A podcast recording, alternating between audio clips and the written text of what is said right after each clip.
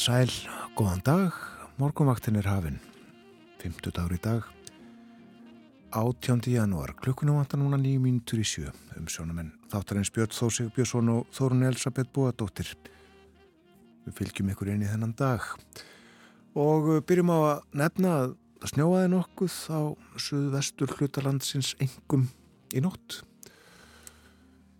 Jörg Kvít og svona sæmilegasta snjólag sumstaðar allavega og uh, þetta er áhrif kann að hafa áhrif. Öll tæki útikir í ráð fyrir uh, bæði í byggð og uh, eins á þjóðvegunum þar sem þarf að móka riðja en uh, það er kallt á landinu og uh, ísjökul kallt sumstaðar 23 steg af frost þar sem kallast er. En bara nýju steg af frost í Reykjavík klukkan 6 í morgun. Og uh, þá snjóaði enn lítilsátt að snjókoma og austan 7 metrar. Nýju steg af frost í uh, uppsveitum borgarfjörðar Stafóldsei nýju steg af frost líka í Stikisvolmi austan nýju þar allskíjað og enn nýju steg af frost bæði á Patræsfyrði og í Bólungavík og vindræðin þar svona 10 metrar á sekundu eitthvað svo leiðis nýju steg af frost á Holmavík tíu steg af frost á Blönduósi. Nýju steg af frost í Söðanesvita, norðan fjórir og tól steg af frost á Akureyri.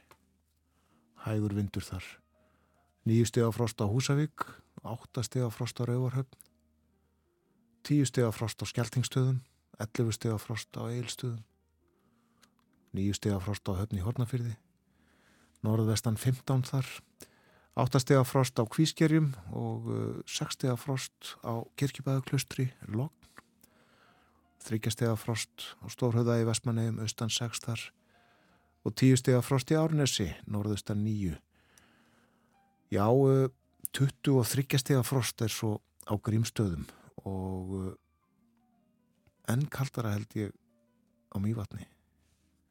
17 steg af frost og Svartárkoti djúftinn í Bárðardal. Og á Hálendinu 14 16, 17 steg af frost. Jökulkalt sem sagt. Og það verður áfram jökulkalt víða í dag frostið að 15 stegum og kaldast í innsveitum norðaustanlands en hlýjast á landinu þryggjastega frost í dag. Og norðaustlega eða breytilega átt 5-13 metrar á sekundu og víða jél norðan til. Snjókoma sunnalands áfram en rofar til síðdeis. Og það er eins og við höfum nefnt snjókoma og gular viðvaranir í gildi á söðvesturhóttninu til hádegis vegna ofankomu, talsverð snjókoma e, í kortunum fram yfir hátegi Já. og e, löguröglan á höfuborgarsvæðinu líka með hugan við þetta myndi fólk á að reynsa snjó vel af aukutækjum áður en lagt er af stað vera með öll ljós kveikt og óvittlust að leggja fyrra af staðan önjulega og síðast en ekki síst förum öll varlega, segir lauruglan.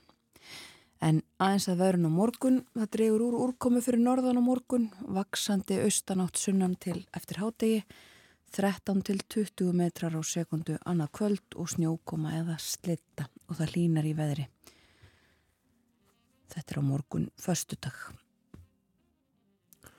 Og það er vetrafæri um alland og uh, snjóþekja, hálka og jæljagangur víða á höfuborgarsvæðinu og það er uh, snjóþekja á Suðvesturlandi, snjókoma á flestum leiðum.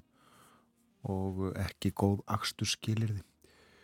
Nú það er þungfært millir búða á hellna og þæfingsfærð á fróðorheiði og snjóþekja víða á Vesturlandi og jæljagangur, þæfingsfærð á þrasköldum og snjóþekja og hálka á flestum leiðum á vestfjörðum sama á við um Norðurland, einnig Norðausturland Jæljagangur þar víða, segir í skeitinu frá vegagerðinni á norðausturlandi. Hálka og hálkubletti víða á austurlandi eitthvaðum snjóþekju, ófært á öksi og breðdalseiði, flughált í breðdal. Og það er þungfært á Myrdalsandi og hálkublettir víða á öðrum leiðum á Suðausturlandi. Við höfum ekki ennu upplýsingar um ástandmála á Suðurlandi. En uh, þar er uh, staðan líklega svipuð og, og uh, viðast hver annar staðar á landinu. Og við sjáum um snjórhreinsun á vef Reykjavíku borgar. Þar segir þegar snjórfellur eða hálka myndast í Reykjavík er unnið samkvæmt viðbráðs áætlun vetrarþjónustu, snjóvaktinn fer á stjá. Aðstæður vaktaðar og mannskapur kallaður út eftir þörfum og stopprautir, strætulegðir og fjölfarnar sapgötur uh, njóta forgangs.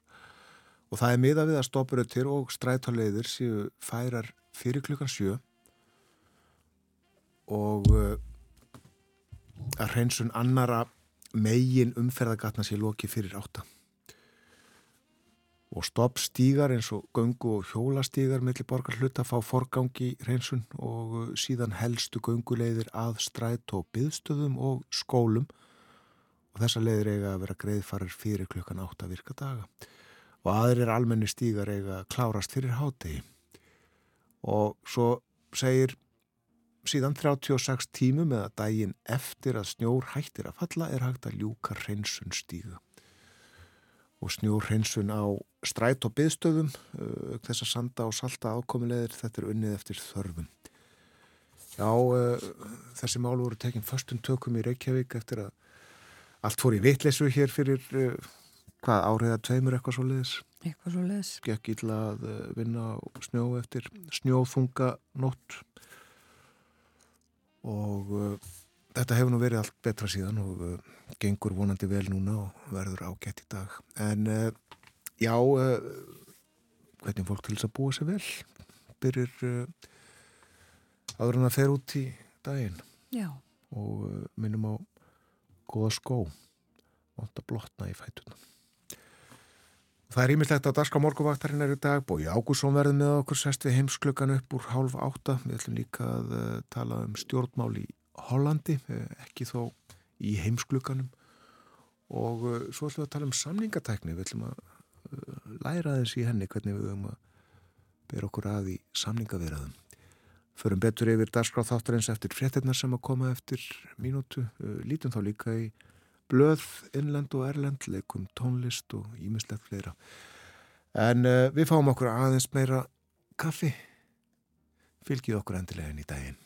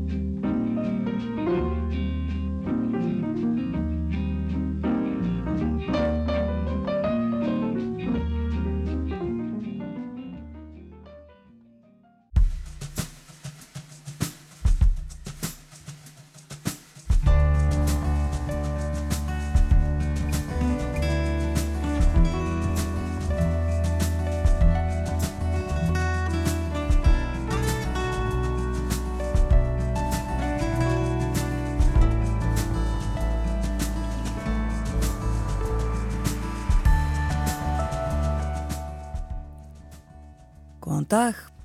Morgunvaktin hilsar 5. daginn 18. janúar. Umsjónamenn eru Björn Þór Sigbjörnsson og Þórun Elisabeth Bóadóttir. Bói Ágússon sest við heimsklukan eftir tæpan hóltíma. Á efniskráni er áframhaldandi umfjöllunum réttarfarsnygslið sem að kent er við bresku posttjónustuna. Bói fóriði málið í síðustu viku og segir okkur í dag frá því sem gerst hefur síðan og fleira brestir í handriti sem og yfirliti yfir kostningar í heiminum á nestunni. Og við höldum svo áfram umfjöllunum Erlend málefni eftir morgunbrettinar klukkan átta Það var kosið til þings í Hollandi í november en enn hefur ekki tekist að mynda ríkistjórn. Flokkur Hert Vildes hlaut næstum fjörðung atkvæða en það flækir málinn að fáum ef nokkrum hugnast samstarf við hann. Við sláum að frá þenn til Hollands og ræðum við Edvard Hæbens háskólakennara þar í landi. Spyrjum fregna úr stjórnmálunum. Og svo eru það kjara viðræður, ekki þær sem nú standa eða í hönd fara heldur kjara viðræður og samninga viðræður almennt. Það er kunst að semja og sjálfsagt hefur vant samningafólk tilenga sér tiltekin vinnubröð. Þetta nær líka til atferðlis og framkomi. Aldís G. Siguradóttir, forstuðumadur hjá Háskólanum í Reykjavík, er sérfróðum samningatækni.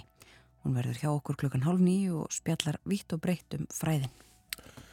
Landið er kvítt eftir snjókomu nætturinnar og uh, enn maður búast við snjókomu næstu klukkustundir.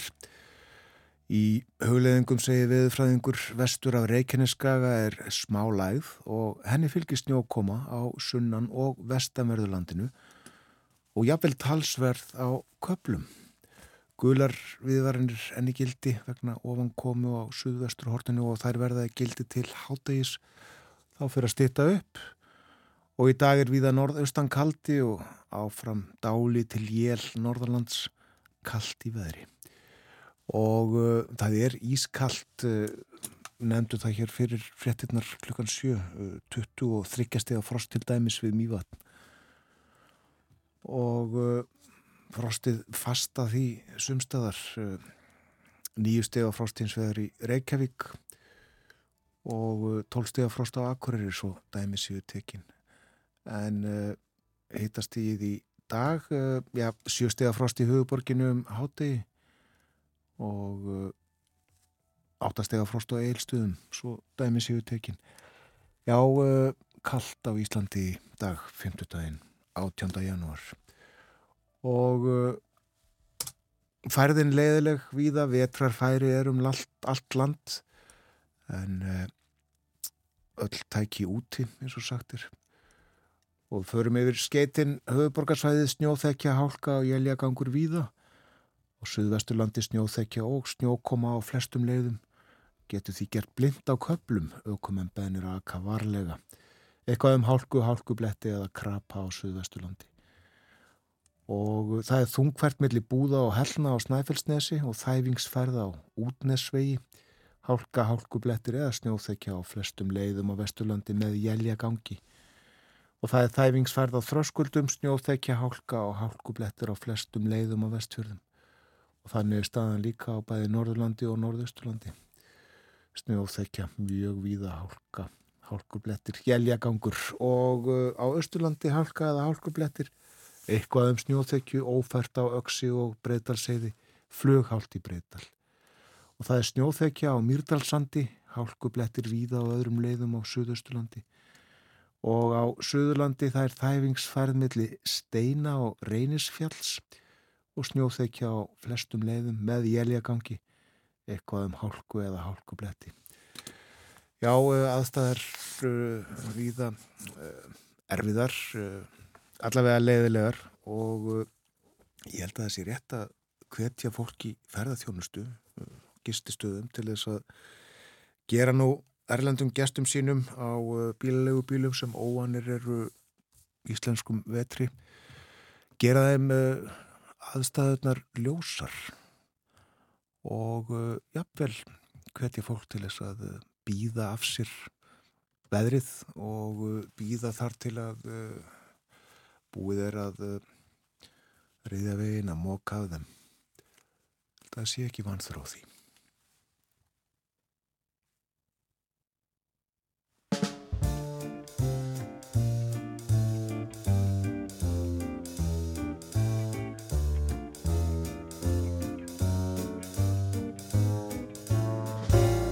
á því Kendu mér að kissa rétt og hvernig á að faðma nett.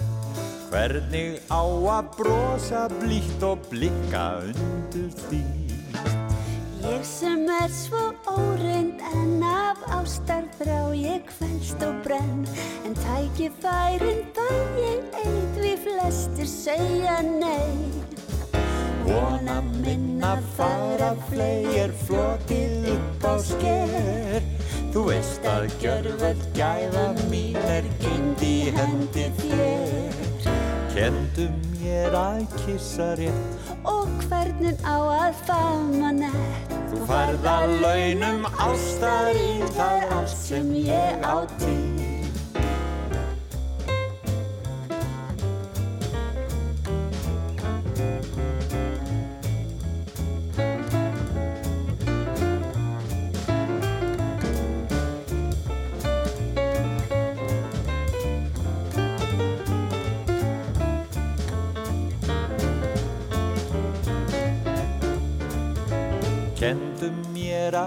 kissa rétt og hvernig á að faðma nett. Hvernig á að brosa blítt og blikka undur þýtt Ég sem er svo óreind en af ástar frá ég kvelst og brenn.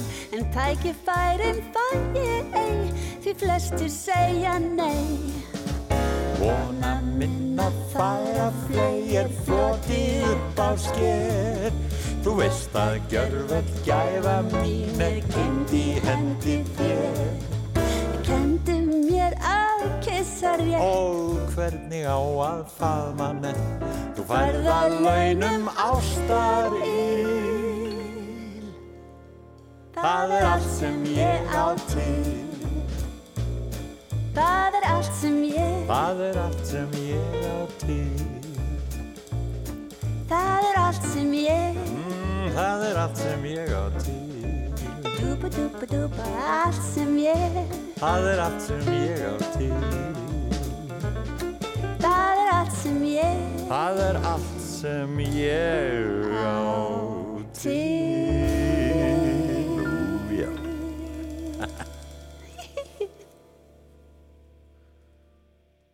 Ellen Kristjánsdóttir og Ragnar Bjarnason kendu mér að kissa rétt.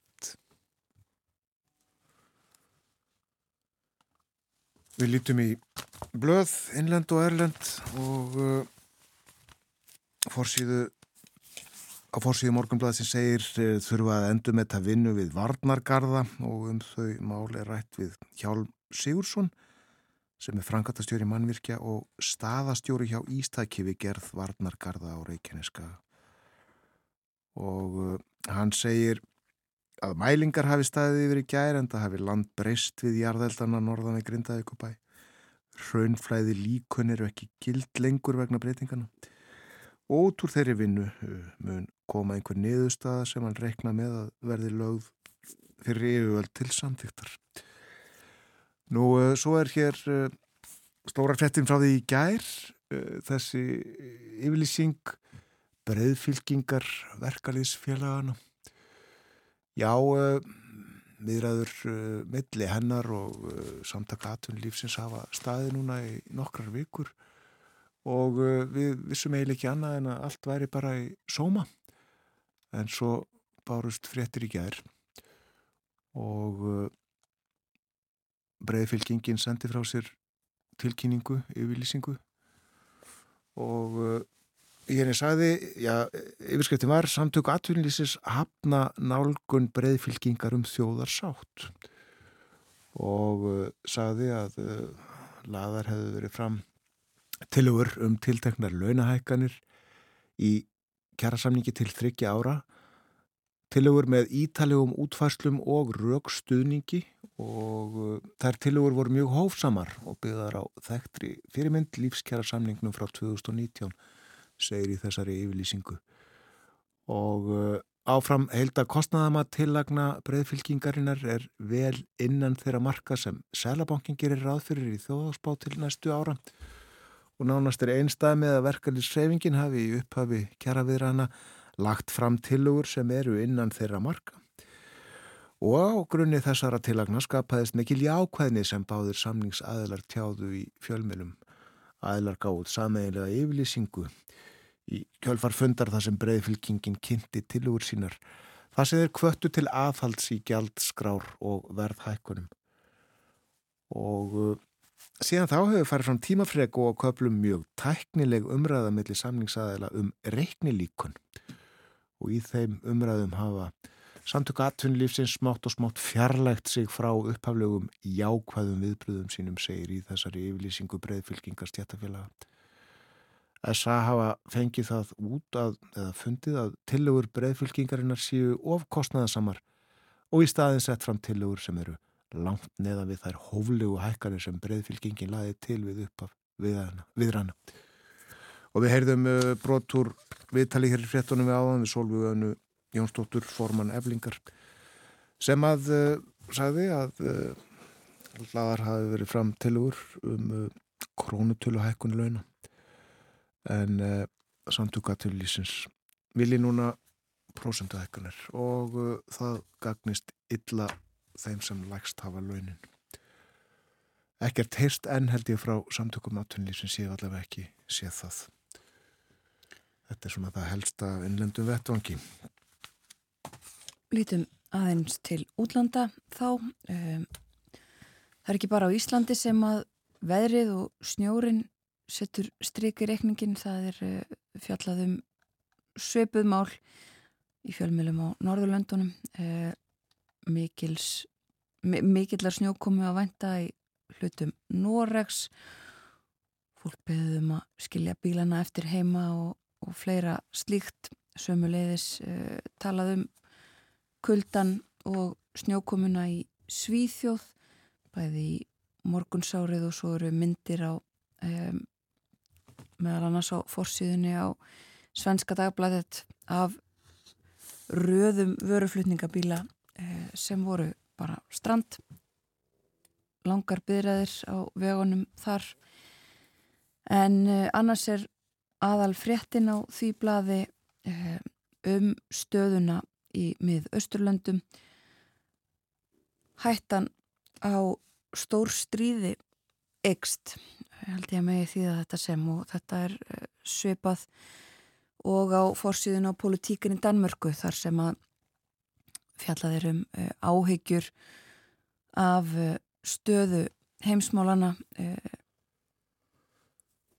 árásir Írans sem við fjalluðum aðeins um hér í gerðmorgun Íranir gerðu árásir á skotmörk í Sýrlandi, Írak og Pakistan og stríðið á Gaza. Um,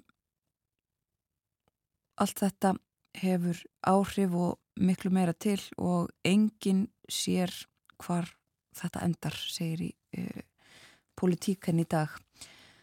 Og uh, frá því að þessar fyrirsagnir og fórsýður voru gerðar þá hafa Pakistanar uh, ráðist tilbaka á skotmörk í Íran nú bandaríkin hafa gert fjórðu árásuna á húta skotmörk húta í Jemen. Og uh, líka fjallaðum stöðuna í Líbanon í tengslum við þetta. En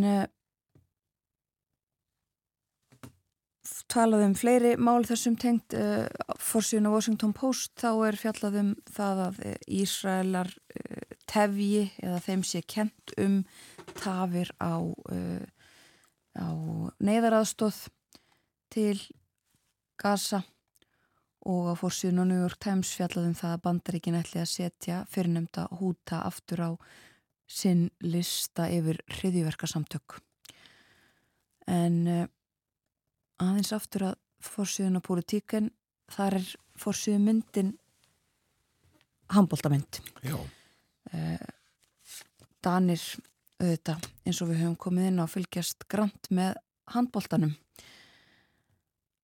og uh, það er líka fylgst grant með honum hér á Íslandi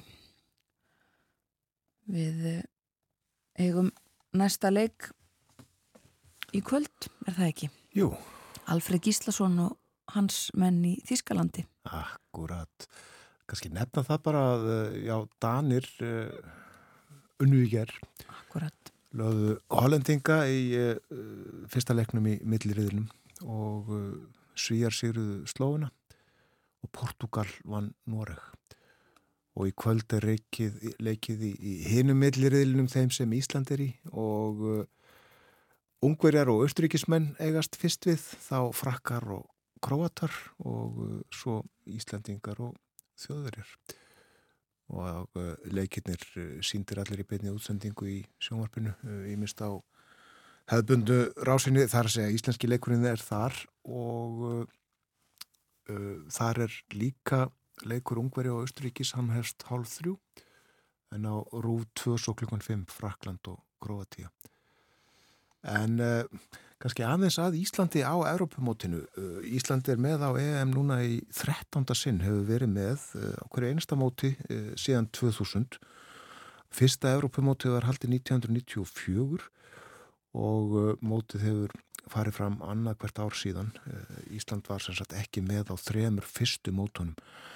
Heimsmestramótið er hins vegar talsvert eldra. Fyrsta heimsmestramótið var í Þískalandi 1938 svo var kæft frá 1954 á þryggjára fresti eh, svo frá 1970 á fjórar á fresti og frá 1993 á tveggjára fresti En það gekk ekki vel hjá Íslandingum á fyrsta mótunu, fyrsta Evrópamótunu þarna sem að liði tók þátt í árið 2000. Það fór fram í Kroatíu.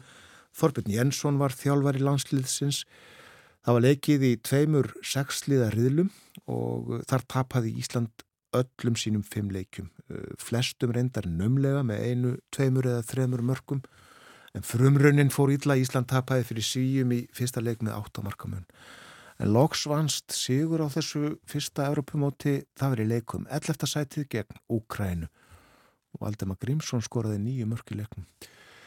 En það var allt annað upp á teiningnum á næsta móti því sem að fór fram í Svíþjóð 2002. Það var Guðmundur Guðmundsson orðin þjálfari og eftir jafntefni við Spán í fyrsta leik og öruga sigra gegn Slóveníu og Sviss.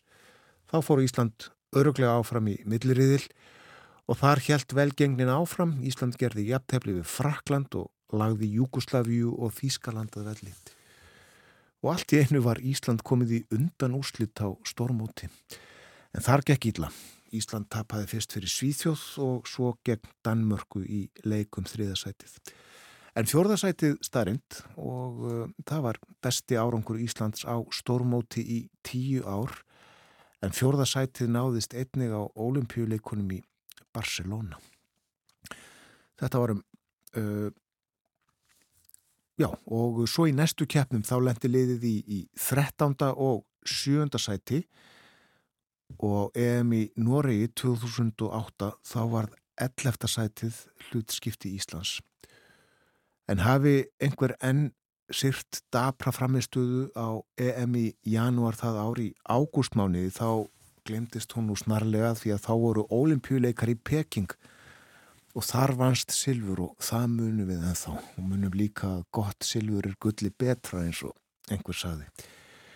Og áfram helt velgengnin að næsta stormóti, Europamótinni í Östuríki 2010 þar sem Ísland hafnaði í þriðjasæti.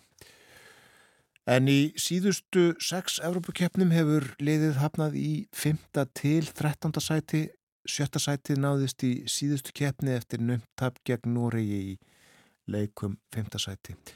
En Ísland og Þískaland mætast í kvöld. Með sínast þjóðurnar aðeins hafa mest tvívegis áður í Evrópkeppni fyrst 2002 eins og áður saði og þá vann Ísland. En þjóðverðar höfðu svo betur 2008. Þetta var sagan eh, en eins og við vitum þá skiptur hún engum máli, eh, mun ekki gera það á vellinum í Kölni kvöld. Allt getur gerst eins og sagtir í Íþróttunum hvað sem líður úslitum fyrir 10 eða 20 árum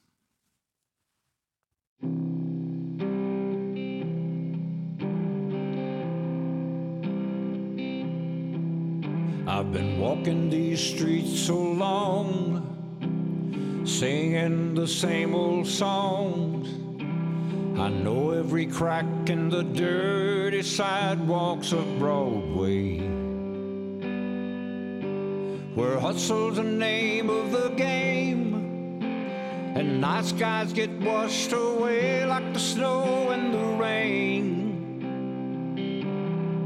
There's been a load of compromising on the road to my horizon, but I'm gonna be where the lights are shining on me. Like a rhinestone cowboy. Riding on horse in a star-spangled rodeo, like a rhinestone cowboy,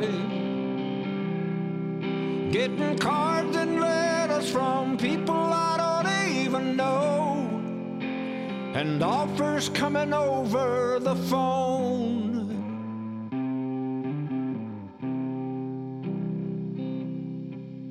Well, I really don't mind the rain, and a smile will hide all the pain. But you're down when you're riding the train that's taking the long way. And I dream of the things I'll do with a subway token and a dollar tucked inside my shoe. There'll be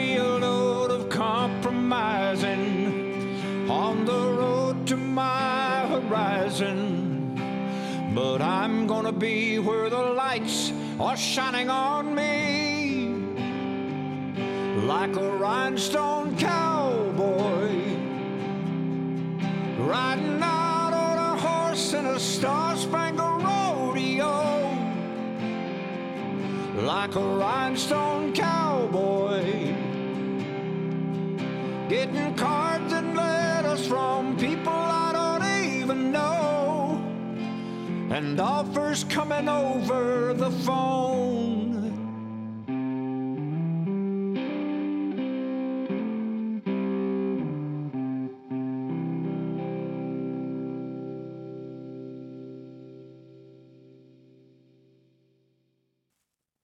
Glenn Campbell flutti Rhinestone Cowboy, söng og lék á ramaskítarinn sinn.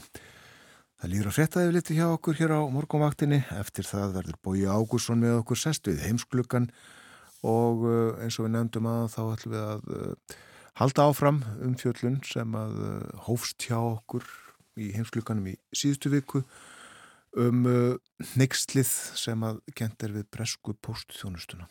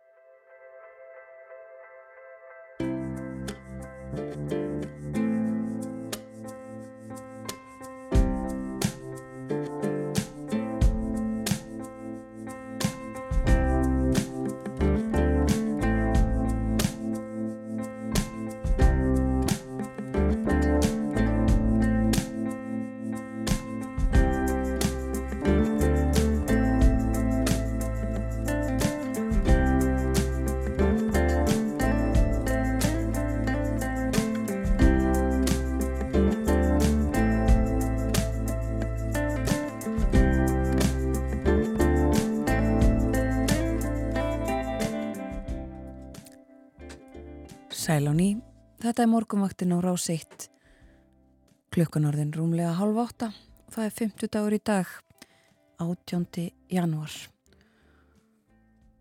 og það þýðir að til okkar er komin Bói Ágússon sestur við heimsklukkan, góðan dag Góðan dag, Þórun og Björn. Dægin. Við ætlum að halda áfram umfjöllunum mál uh, sem að þú fóst hér yfir í síðustu viku, þetta réttarfars neyksli sem er kent við bresku póstþjónustuna.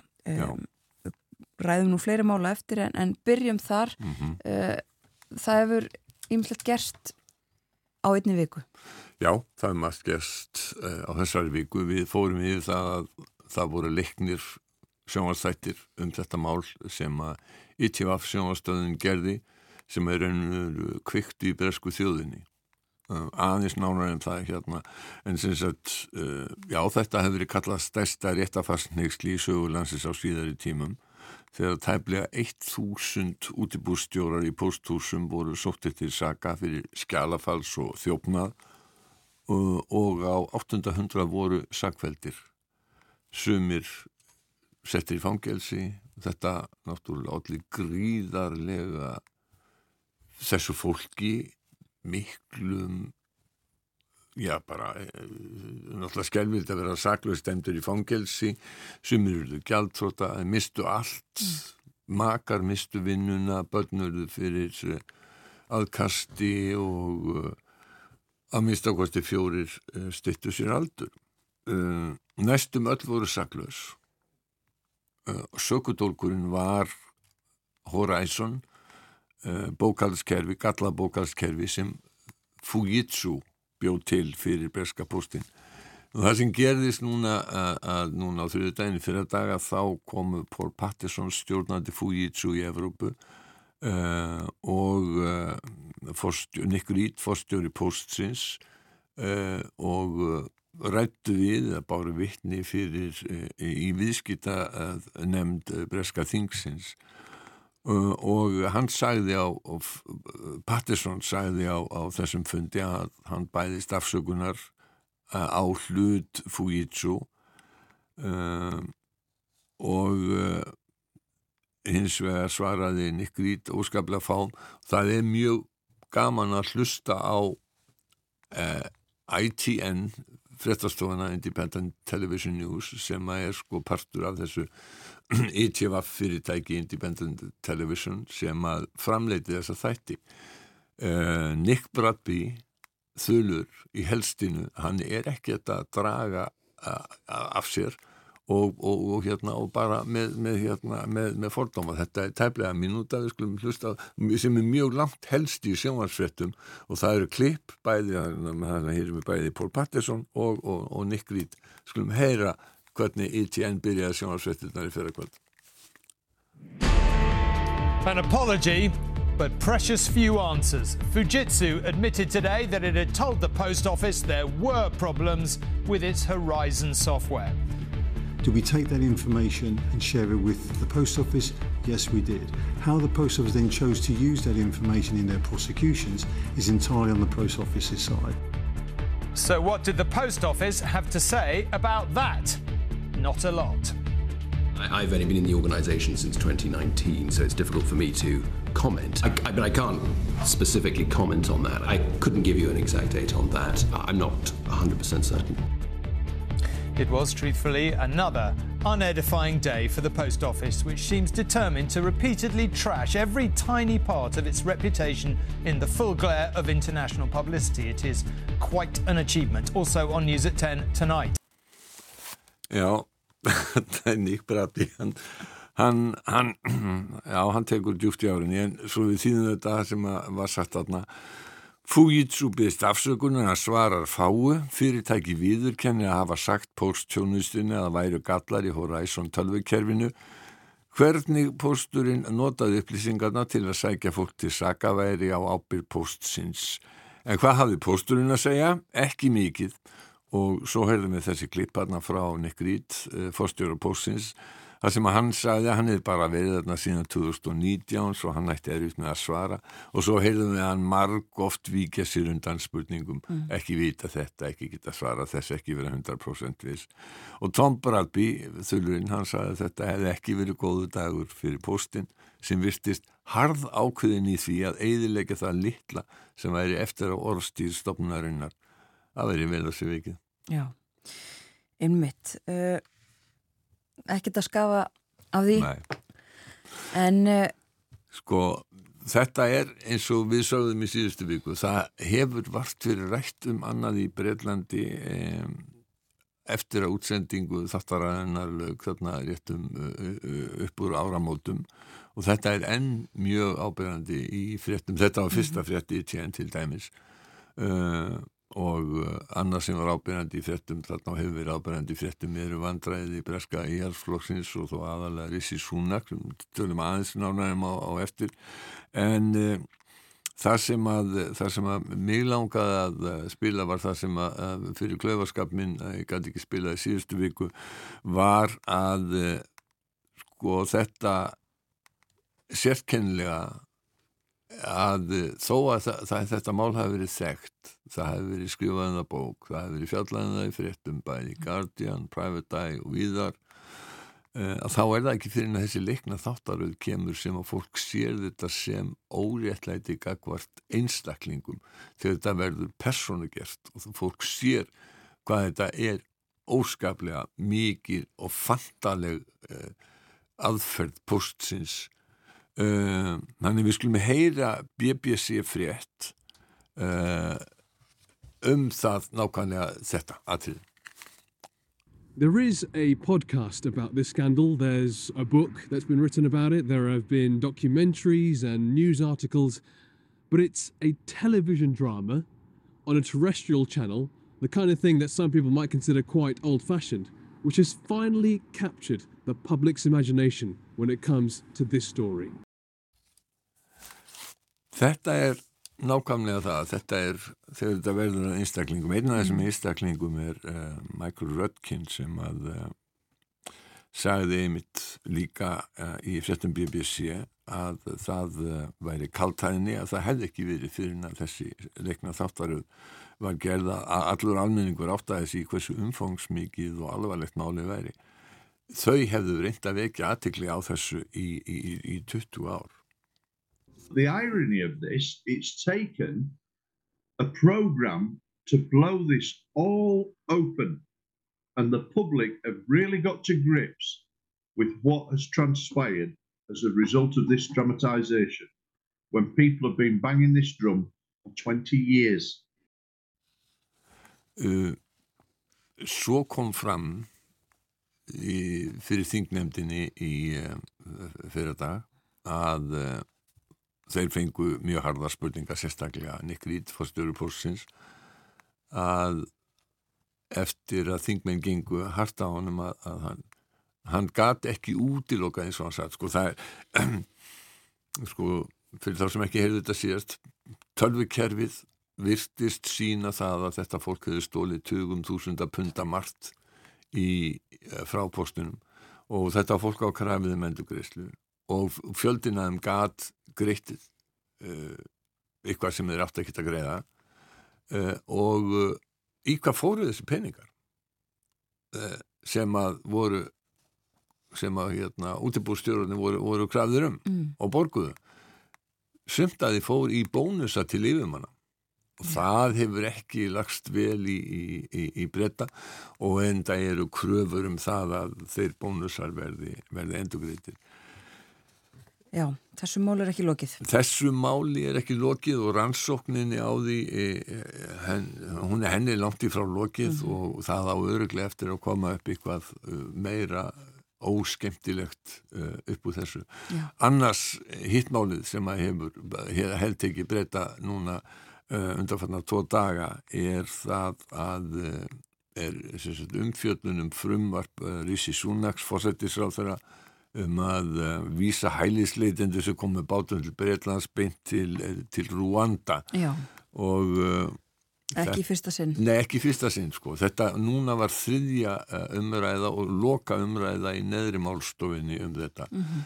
og í fyrra daga þá lögðu svona getum við sagt hægri sinniðustu gömlu brexit hérna, augamennir fram frumvarp sem átt að herða enn á mjög ströngum uh, lögum eða ströngu lagafrömmarpi uh, en uh, það var felt með hjálp stjórnaranstöðunar þannig að þá voru, voru eitthvað, voru 66 minni mig sem að uh, gerðu þá upprýtt gegn Rissisúnag og Floknum og þessu frumvarpi. Þannig að það var aldrei spenna lengst af í gærum það hvort að frumvarpi fengi meiri hluta uh, atkvæði atkvæði meiri hluta mm. þingmanna. Og en stjórnmálaskýnendur áttuðu sér nú flestir og því fljótlega að uppreysna menninir í helsfloknum myndu á endanum þó þeir ekki komið breytinga til honum í gegn samþykja þetta frumvarp vegna þess að ella hefur felt stjórnin og þá hefur verið hægt á því að þing hefur verið lofið núna og eftir kostninga og miðað við skoðanakannanir að þá hefur þessi þingmenn verið að svifta sjálfa sig þingsæti. Akkurat. Þeir hefur verið að, og þeir, þeim finnst væntum að sitja á þingi þannig að þeir, þeir stuttu stjórnina. Þetta hefur hins vegar verið gaggrínt gríðarlega vegna þess að það er, og það segir sig að í frumvarpinu sjálfu að það sé ekki öðrugt að það standist alþjóðalög og samningar sem breytar hafi gert. En sko þegar í svona innihald frumvarsins þetta frumvars kemur fram eftir að hæstirittu Breitlands sagði að það mætti ekki vísa hælisleitendur til Rúanda vegna þess að Rúanda væri ekki örugt land. Þarna bara ákveður breska þingið að Rúanda sé örugt land. Já, með lagasetningu við algjörlega burtsið frá ástandinu endilega. Já, já. og það, það, það hlálega er að síðan hefur verið upplýst á síðustu dögum að brettar hafa verið að taka við hælisleitendum og veita hæli fólki frá Rúanda. Akkurat, við nefndum þetta af einhverju fórsíðunni fyrir vikunni. Já, þetta, þetta, þetta er allt saman alveg, alveg gríðarlega um, hlálegt mál. Já, uh, og sko þetta var samþygt í næri deildinni á endanum. Já, það voru, uh, það voru ekki ennum 11 á, á endanum sem að greitu aðkvæði gegn fyrir af, af, af hjálpsmannum. Akkurat, uh, og nú farða til lávarðadeildarinnar Já. og hvað gerist þar? Það núna verður mikið fjör í þessu sko. Lávarðadeildin hún mun segja að þetta sé ótækt, óalandi og ófæriandi frumvarp og henda ég tilbaka í gerabreitingar á því mm.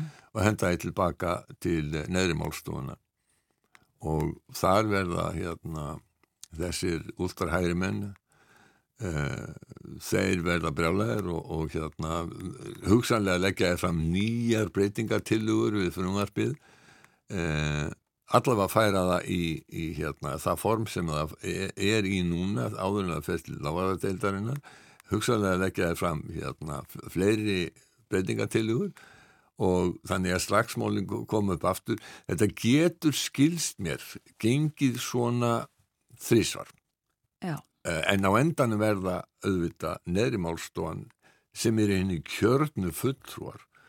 Það er lávarðadeildin ekki það er einu kjörnu fulltrúar sem á endanum ráða en þetta getur gengið svona vikum, jável mánuðum saman. Og það er vita að það er kostning ára á Breitlandi og uh, það er líka vita að segja allir stjórnmálaskýrindur að, að þeir, sko íhalsflokkurinn er að rífa sjálfa sig á hól eitt af orðarlítækjanum í, í breskum stjórnmálum er að sundraði flokkar vinni ekki kostningar og uh, það uh, þess vegna hafaði verið að segja sko hætti þessu, hætti þessu.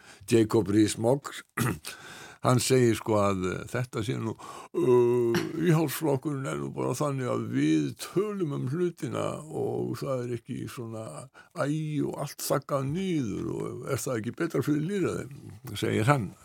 Hérna, þingmaður átjándu aldarinn er svona stundum verið nefndur en það er hins vegar staðrind að ef, ef allt ef hver höndun er upp á móti annari í flokki þá er það erfitt fyrir þann flokk að segja við kjósundur þegar þeir svona mega vera að hérna að líta til kjósenda frá rifrildunni við samflokksmenn sína heyrðu þið ekki til í að kjósa okkur Já.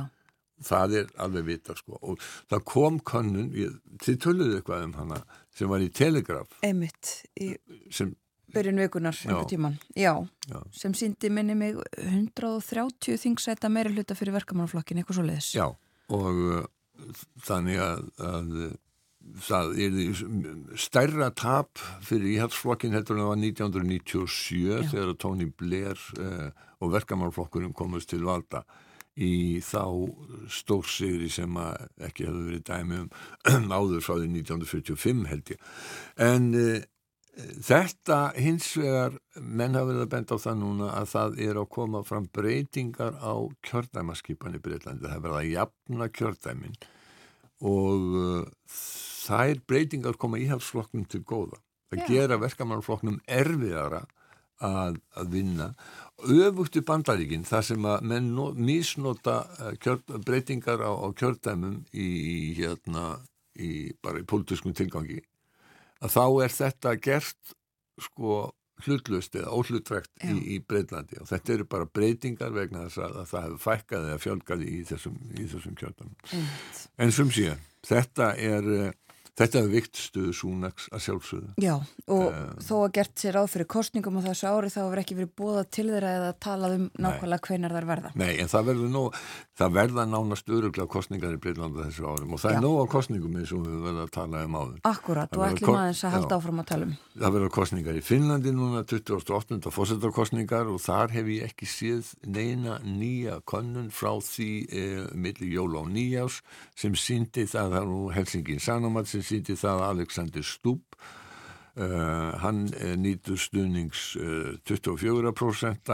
en Pekka Havistó sem er, er græningi og hefur næstmesta stuðning er með, með 22% Já, uh, síðan ef að þeir keppa síðan verður kosið aftur sko af því að það eru svo margir frambjóðendur að þá, þá, þá benda kannanir til þess að Alexander Stubb uh, vinni Nú, það voru kostningar á Tævan um helgina og þar Tævana letu kynveri ekki hræða sig frá því að kjósa Lai Ching-te sem að, fullt var í frambóði fyrir líðræðislega framfaraflokkin sem að er flokk, hann var varafósiti og flokkur uh, fráfarandi uh, fósita. Sko, líðræðið á Tævan er ekkert mjög gamalt. Tævan í rauninni getum við sagt verður sjálfstætt ríki skilur sig frá Kína þannig séð eftir að, eh, eftir að eh, Chiang Kai-shek og kom í tangflokkur hans byðu ósigur í borgarastyrjöldinni sem að var í Kína á lög 1949 með fullum sigur í kommunistaflokksins þá hröktust þeir frá meginlandinu til Tævan sem þá var kollu Formosa. Chiang Kai-shek og kom í tang réðu þarna öllu, þetta var einflokksræði og einræði alveg fram til, fram til 1980 og, og, og eitthvað. Þannig að og það er fyrst árið 2000 sem einhver annar heldur en frambjóðandi kom í tang verður fórsett í Tæfan þannig að líðræði er ekkit mjög gamalt þarna en eh, eh, Lai eh, Ching-te nýkjörn fórsetti, hann segist vera mikill líðræði sinni kynverjum er illa við hann það er að segja stjórninni í Peking er illa við hann vegna þess að þeir telja þeir segja hann sko sé sjálfstæði sinni. Uh, í rauninni má segja að það eru örfá ríki í heiminu sem að viðurkenna Tævan sem, sem, sem sjálfstætti ríki. Uh, þó að bandarækjumenn hafi mjög náinn tengsl að þá viðurkenna þeir stjórnina í Peking sem hérna einu réttu stjórn Kína. Þannig að sko, svona getum við sagt stjórnskipuleg og þjóðréttaleg staða Tævan er, mjög, mjög uh, skrítin. Um, svo verður sko annað varðandi kínverja er að þeim fækkar núna annað árið í röð. Þeim fækkar um 2 miljónir á síðasta ári. Já, og indverjar eru orðnir fjálmennasta þjóð heimsins og eru þá síðasta ári og indverjar eru jáfnframt fjálmennasta líðræðisríki heims. Við skulum aðeins setja smá spurningamerki við líðræðið á Indlandi en það hefur verið langstæsta líðræðisríki heims um, um langt skeið og þeir alltaf kjósa í ár.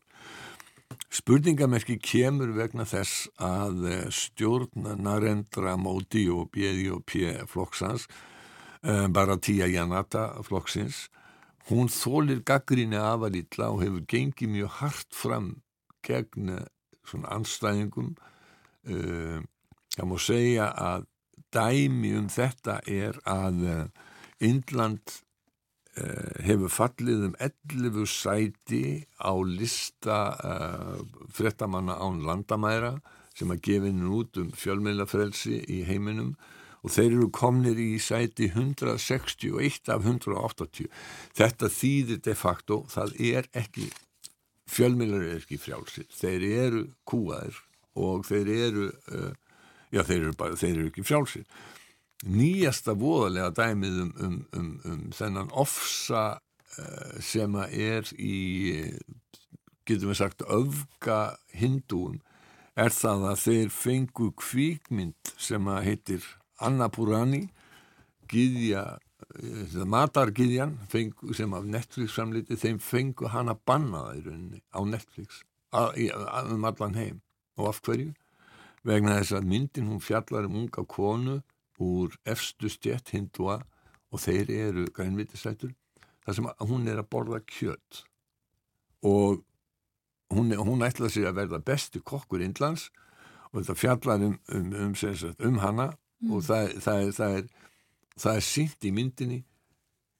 Það er verið að matbúa og borða kjöld þetta er nóg til þess að uh, þeir verða algjörlega brjálæðir og uh, krefjast þess af Netflix að myndin verði, verði bönnuð og Netflix fælst á þetta af yllu hilli. Þetta er ekki nýtt dæmi sko þegar að BBC síndi í fyrra mynd sem var nokkuð gaggrinnin á nærendara móti þá réðist lögreglan uh, inn á skrifstofur BBC í, á Índlandi og gerði húsleit og uh, þannig að það er, það er lítið þól Já.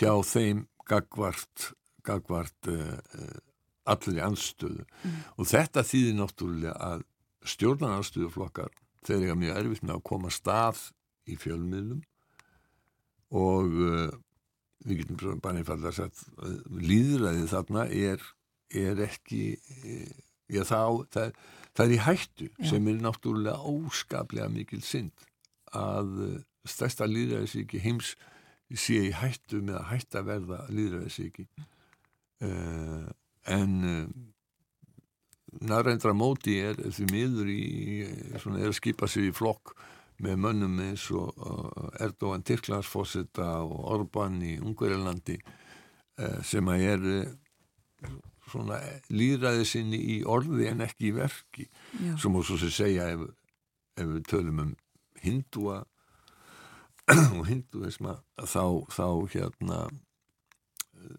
þá er svona ímislegt í þeim trúabröðum sem að er svona andlýðræðislegt getum við sagt lít geðslegt, þetta er alveg óskaplega harkaleg stettarskipting sem að þarna er fólkinni þessu. Mm. en uh, við skulum ekki tala illa um Indland, Indland er gríðarlega stórt ríki og nánast einn heimsálfa og fjölmennasta ríki heims. Og þar verður kosið einhvern mann í vor. Þar verður kosið í april og mæ Já. Takk fyrir í dag Bói Ágússon, við komumst ekki lengra í heimsklukkanum þessa vikuna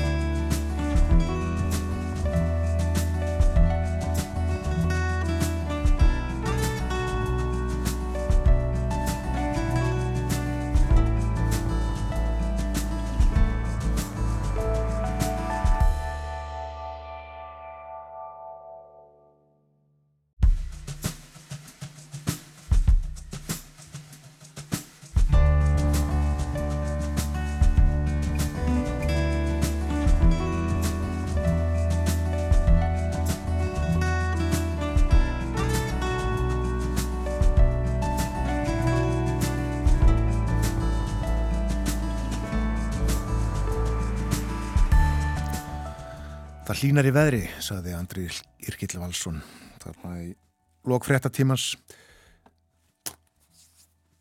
við hengjum okkur í það og uh, vonum að það gerist bara sem fyrst. Ískalt á landinu. Sæl á nýð þegar það hlusta á morgunvaktina á Rás 1 50 dagur í dag og uh, komin átjándi í janúar. Bói Ágússon var hjá okkur áðan og uh, rættu um erlendmálefni og erlendmálefni áfram til umfjöllunar í þættinum stjórnmál í Hollandi. En svo minn ég á að uh, hér eftir frettæðiflitið hálf nýju þá uh, verður hjá okkur Aldíski Siguradóttir, hún er sérfræðingur í samningagerð, líka starfsmæður Háskólans í Reykjavík. Við ætlum að tala um uh, samningatækni, vítt og breytt. Og rifum þá upp frettinnar sem okkur bárust í gerðkvöldi að það er hlaupin kergja í samningavirðaðurnar sem að staðið hafa núna í nokkrar vikur milli breyðfylkingar, verkalýsfélaga og uh, samtaka aðtunlýsins. En uh, samningamál hér á dasgranu á eftir. En uh, nú er það stjórnmálinn í Hollandi. Það var kosið til hollenska þingsins 20. og annan november en uh, síðan hefur eiginlega lítið frjast. Ný ríkistjórn hefur ekki verið mynduð í landinu, sitjandi stjórn misti sinn meiri hluta og úrslitinn það sem að stendur upp úr eða stóð var það að Gert Vildes sem að ég held að hollensku sé nú sagt Gert eða eitthvað þýjum líkt hann fór með Sigur á Holmi vann stórsigur.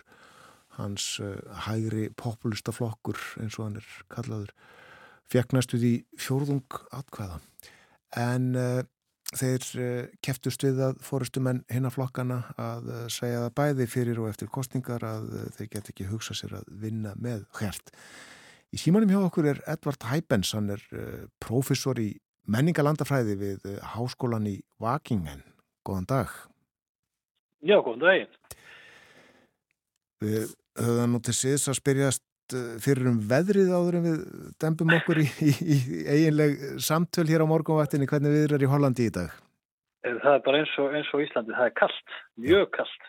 Þessi kuldatunga norðana, hún er að tegja sig aðeins alveg hingað og svo um helgina skiptir það, þá, þá, þá er það búið. Já. Það er búið að vera sjústega frost hérna er... og snjókoma, töluverð, hérna síðst í landinu. Þetta er bara eins og lýsingin á verinu hér á Íslandi.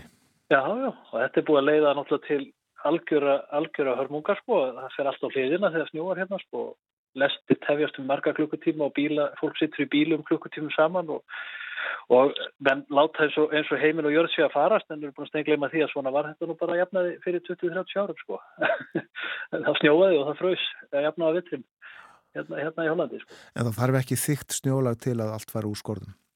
Nei, það þarf sára lítið sko í raun þannig að það er bara, svo er bara umferðin svo mikil og mikil af fólki að er eins og bara þegar það snjóar og hristir þá kemur strax í fréttunum hvað margir flutningabílar koldust út af hafbröðtunum og hvað margir bílar fóru honi síki og allt svona, þetta er bara það er bara bókstaflega degja bara nokkuð margir þegar, þegar svona er því miður. Já, hérna.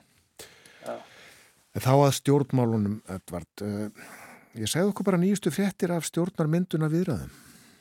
Já, ég var að hlusta hérna á fréttunar ykkar núna áðan, eða bara hérna í hernumtækjunum og, og það verið að kerkja væri hlaupin hérna í, í samlíkaðurraðunar með leðfylgingarna. Það má segja það samum stjórnbóli hér nefnilega. Sko, í gær þá hljóps svo til kerkja í stjórnarmyndunarurraðunar hjá, hjá þessum fjórum flokkum og ég skal koma því kannski að þessu eftir en kannski til að gefa svona aðeins heldar myndina þá eins og sagður á þann, jú, það var kosið hérna í november eftir að stjórnin sprakk uh, síðasta sömar þá var kosið, og það var nýbúið að kjósa þá og nú sprakk stjórnin og þá var kosið aftur og, og, og Gert Vilder sannarlega náði þarna stórum sigri og það kom mörgum frekkar ávart og raun og veru sendi svona Já, sendir holl niður hryggin á mörgum um alla Európu og, og menn telja þetta mikið fyrirbóða um hvað, hvað er á leiðin í Európa almennt, sérstaklega núna í kostnum til Európa-þingsins í júni. Þá gera mér ráð fyrir svona hægri sveiflu og eða sveiflu í þessu átt til, til gert vitis, ég veit nú ekki hvort, hvað skal kalla hann í raun sko, þetta er, þetta er svona já, populíska bylgjan sko á sér, á sér marga skýringar. En, en sagt, ein skýringi sem að menn telja er, er að fyrirverði flokkur sem öllur réði hérna sem heitir Vaff-Vaff-D sem er þá alltíðu flokkurinn fyrir frí, frelsi og líðræði svona hægri, hægri miðjuflokkur sem að rutti leiti uh, það er hann hætti sem sagt og er nú mögulega leið til að taka við að Stoltenberg í NATO, það eru margir að tala um það.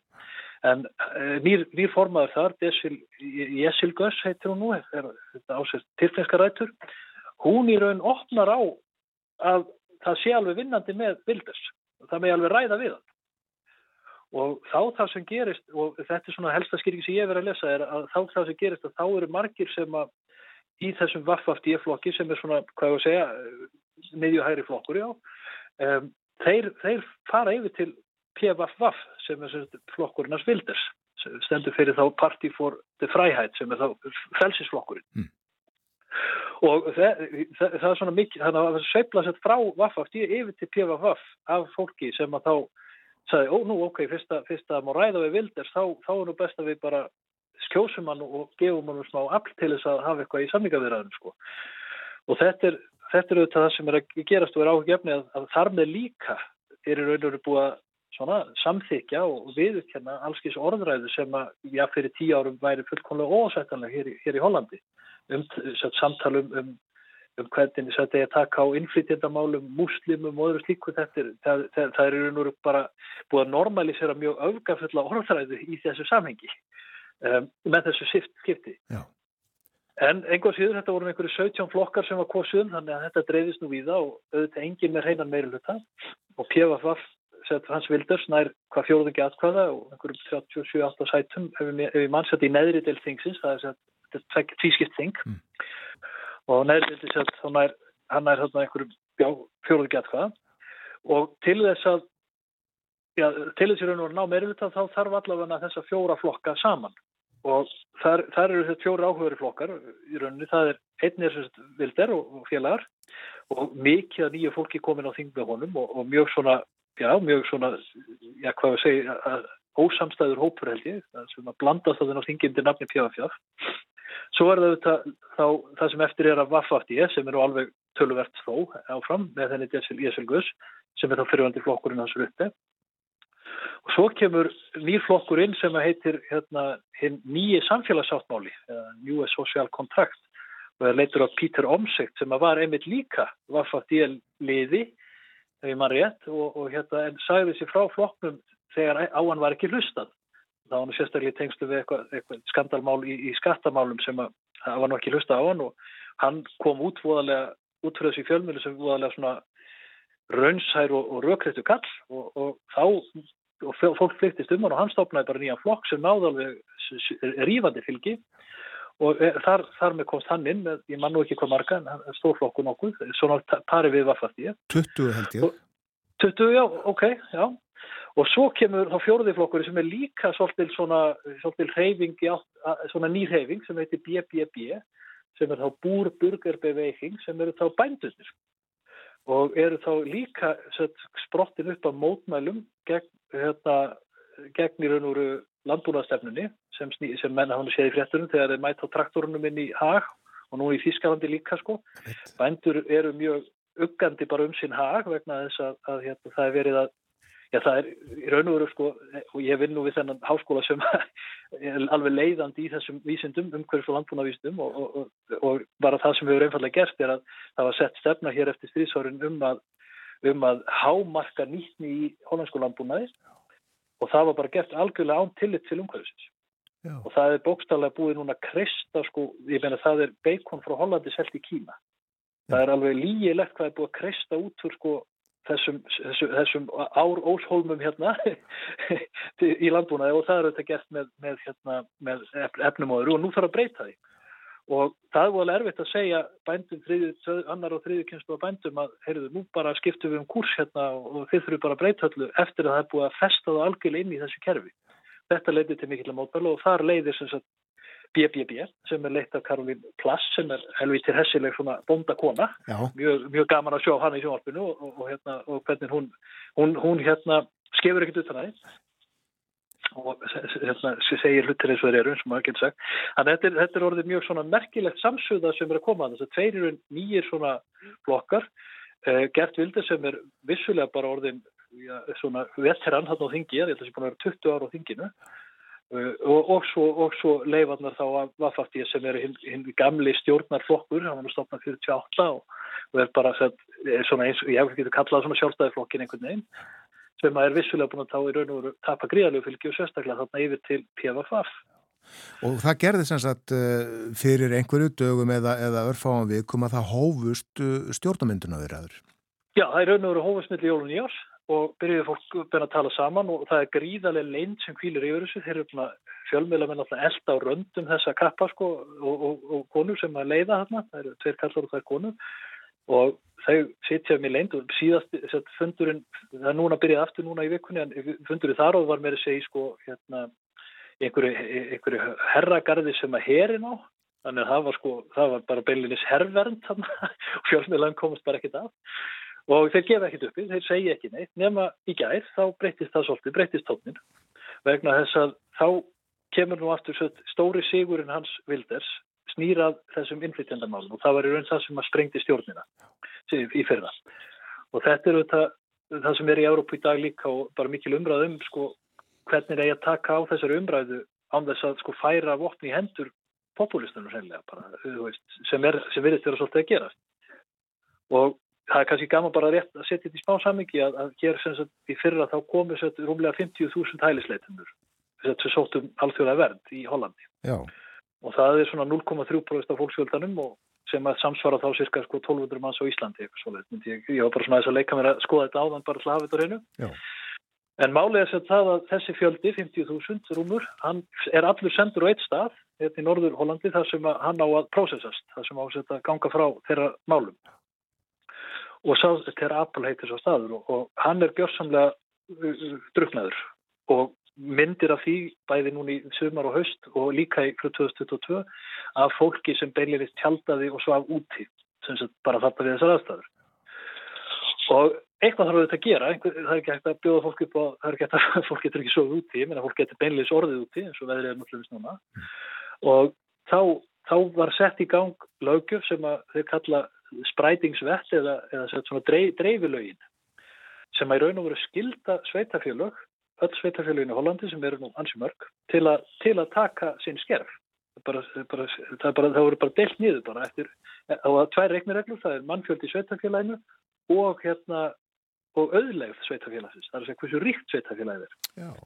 og ef að sveitafélagið er mjög ríkt þá á það að taka fleiri og þetta var, þetta var mjög umdelt og, og Pít, hérna, hann vildi að skalla þetta sem ekki, ekki sprætingsvett heldur dvangvett þvingunalögin og þetta er ákveðin sem þvingun í þessu að því leiti að, að, það er verið að gera sveitafélagið það skilt að taka bara sinn skerð og þetta var mjög umdelt og, og var rætt í kostningunum nema það sem gerist í gæri er að sagt, fulltrúar Vaffafdje í fyrstu deild þingsins.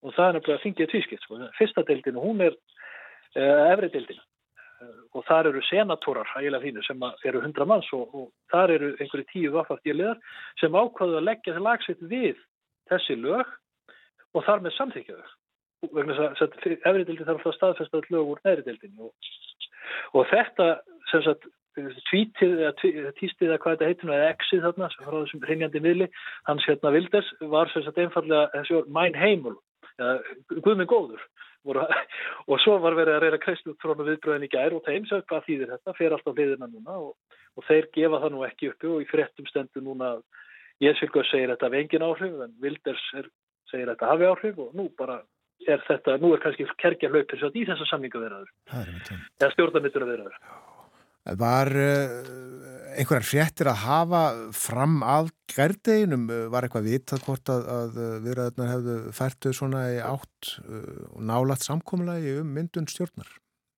Já, sko, já, það svona mátti, mátti gera ráð því, sko, það sem að gera þeir, þeir setja alltaf, það er ein, einstaklingur alltaf settur sem er kallaður svona informatör eða sem er þá í raun og veru miðlari mm. í stjórnarmyndunum og hann er voðalega bjart síðan alltaf og brósir og þau tala þá saman.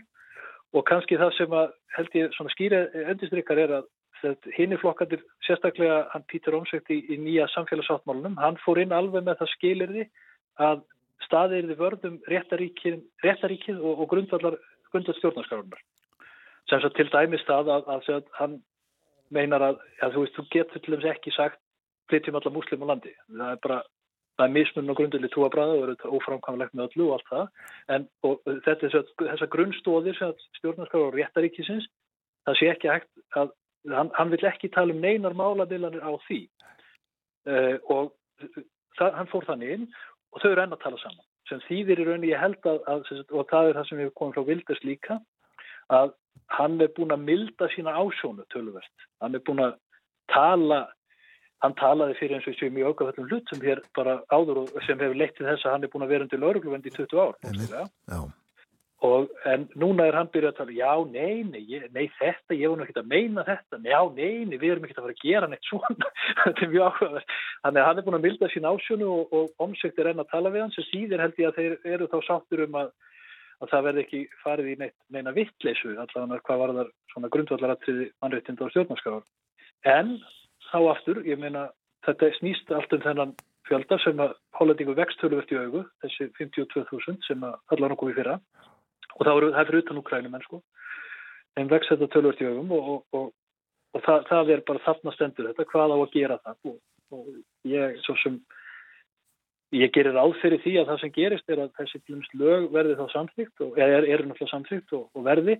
En að hérna ráðuneytin sem að segjum að stjórnarmyndun hefnist og ráðuneytin verði sett upp og þá muni samningur vera sá að ráðuneytin gerir bara ekkit í þessu.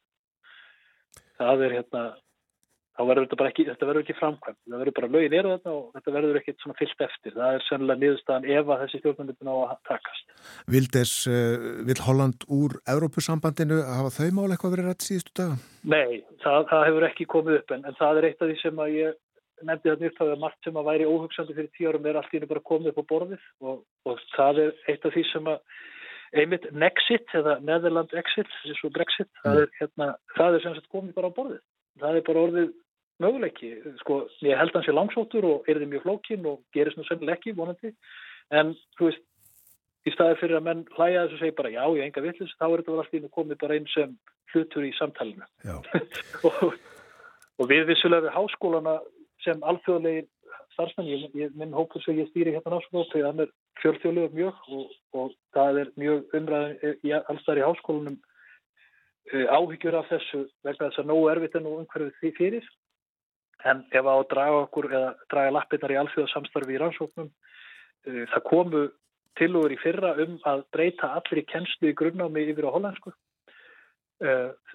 fjöldi háskóla hefur byggt sína kennslu í grunn og sérstaklega framhagsnámi á, á ennsku og, og, laða þar að marga alþjóðlega stúdenda en það er sett, ég ger fastlega á fyrir að það komi aftur upp á borðu að breyta allir kennslu hér í hollensku, þess að hafa hann á hollensku og það, það eru aflegginga fyrir hópins og minn sem er fjölþjóðlega samsettur. Já, við sjáum hvað setur uh, hlaupin í þetta kerkja eins og saði hér í byrjun spjallsokkar við fylgjumst áfram með og uh, fáum að vera í, í, í sambandi við því síðar þegar, þegar nýtíðindi berast. Eða segja þetta gott í dag?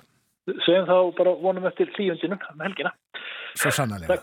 Þakka þér fyrir spjallið. Ekki máli, bless, bless. Bless, bless. Edvard Æbens, professor í menningalandafræði við Háskólan í Vakiningen og uh, eins og framkomi í spjallið okkar þá var yngangur minna þessu samtali ónákvæmur, það var ekki þannig bara að, að ríkistjórnin hefði ekki fengið meiri hluta nægan þingstyrk í kostningunum í november. Hún var auðvitað sprungin áður en kom til kostninga og það var einmitt þess vegna sem að það þurfti að kjósa.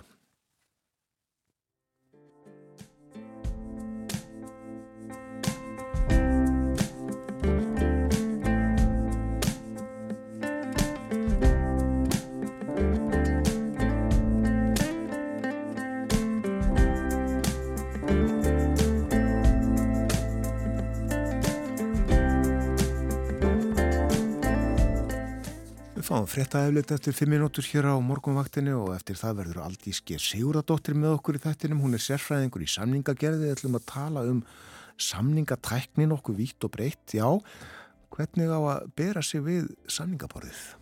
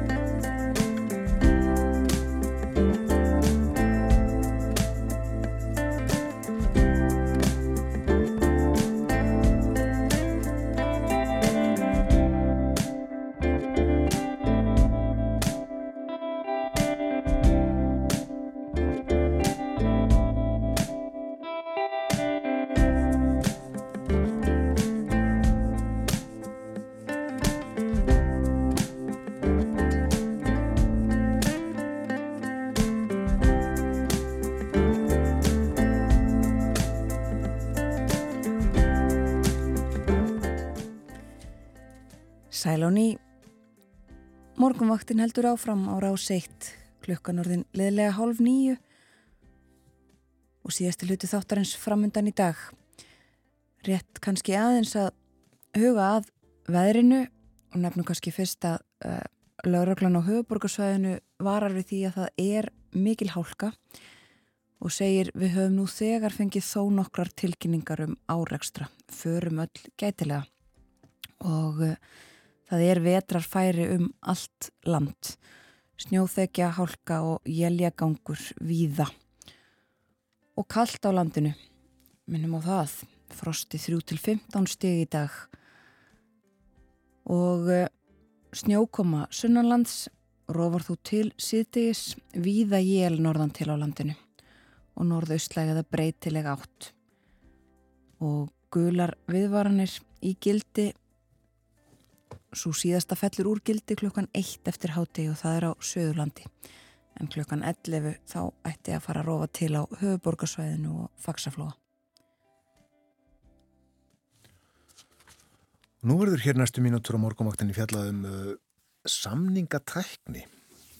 Kjara viðræður eru hafnar og uh, fengum í gerðkvöldi fréttir af uh, ganginum í viðræðunum hjá breyðfylkingu verkalýsfélagana og samtaka atvinnlífsins og uh, hljóp snuðra á þráðin gær eins og fjalla var um líka í fréttunum hér í morgun. Og uh, frekari viðræður uh, eiga enn eftir að hefjast svo eru þetta alls konar viðræður, samningaviðræður sem að hafa staðið munum eftir flugum fyrir stjórnum það er alltaf verið að semja um eitthvað hjá ríkisáttasemjara eða annar staðar. Og fjöldi fólk sem að kemur að samningagerð. Og það er ekki sama líklega hvernig það er gert, hvernig fólk á að bera sig að. Og til er samningatækni alls konar samningatækni. Og uh, okkur dætt í hugað forveitnast aðeins um þessi mál og hingaði komin Aldíski Siguradóttir sem að er já, fórstuðumadur MBA námsins í háskólanum í Reykjavík en hún er líka sérfræðingur í samningagerð og er með doktorspróf í þessum fræðum. Velkomin til okkar. Já, kæra þakkir. Takk fyrir að bjóða mér. Það eru til uh, alls konar aðferðir það ekki við það að, að semja. Jú, uh, mikið rétt. Samningatækni er sko mjög breytt svið og hún flæðir mjög mikið yfir, um, hún flæðir yfir viðskiptafræðina, fræðisviðin þar, sálfræðina, lögfræðina, þannig að það er rosalega víða eftir hvað glerum þú setur á þig, hvernig, um, hvað þú ert að skoða. Lögfræðin horfir á svona samningaréttin og, og, og það er verðt að hafa það allt í huga. Síðan eru við með e, viðskiptafræðina sem kemur inn á þetta efnaðslega og svo sálfræðina sem er svona þessi hegðun og, og ég hef svona mest verið að skoða hegðun samningamanna og hvað er vanlegast til árangus í þeim efnum Já. og mína rannsóknist nú að svolítið í þá áttina. Og, og nefnum það að við erum ekki bara, sagt, þitt sviðna er ekki bara yfir, yfir kjara samninga heldur samninga Nei. af öllu tægi. Já, bara almennt. Já. Hvort sem þú ert að kaupa fastegn eða bíl eða í stórum floknum viðskiptarsamningum eða bara í kjaraviðra. Já. Við uh, heyrum svo, við höldum okkur við kjaraviðraðnar, heyrum í uh, fólki áður en það fer inn á fundi í, í karpúsinu og þegar það kemur út það en við vitum eiginlega aldrei hvað gerist þarna við borðið. Mm -hmm. Það er kannski bara alls konar hluti sem gerast og Já. E-, eitthvað sem að kannski þólir, þólir uh, myndavélarnar ekkert sérstaklega vel.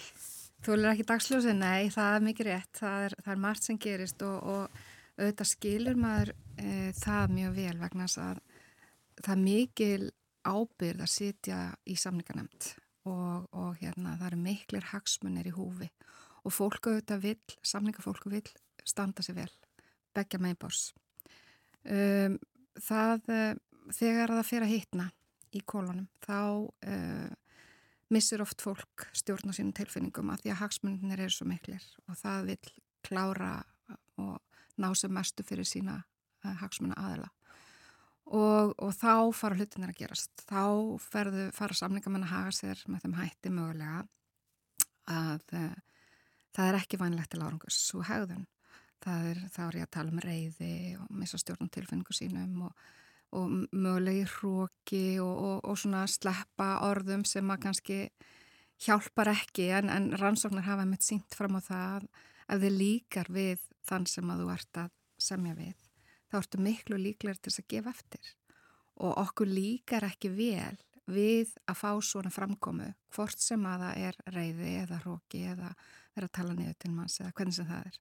Þannig að orðaval skiptir gríðala miklu máli og líka tótnin, þú getur sagt nei á svo margan hátt, þú getur sagt nei þú getur sagt nei. Veist, þetta þýðir, þýðir tvent ólíkt.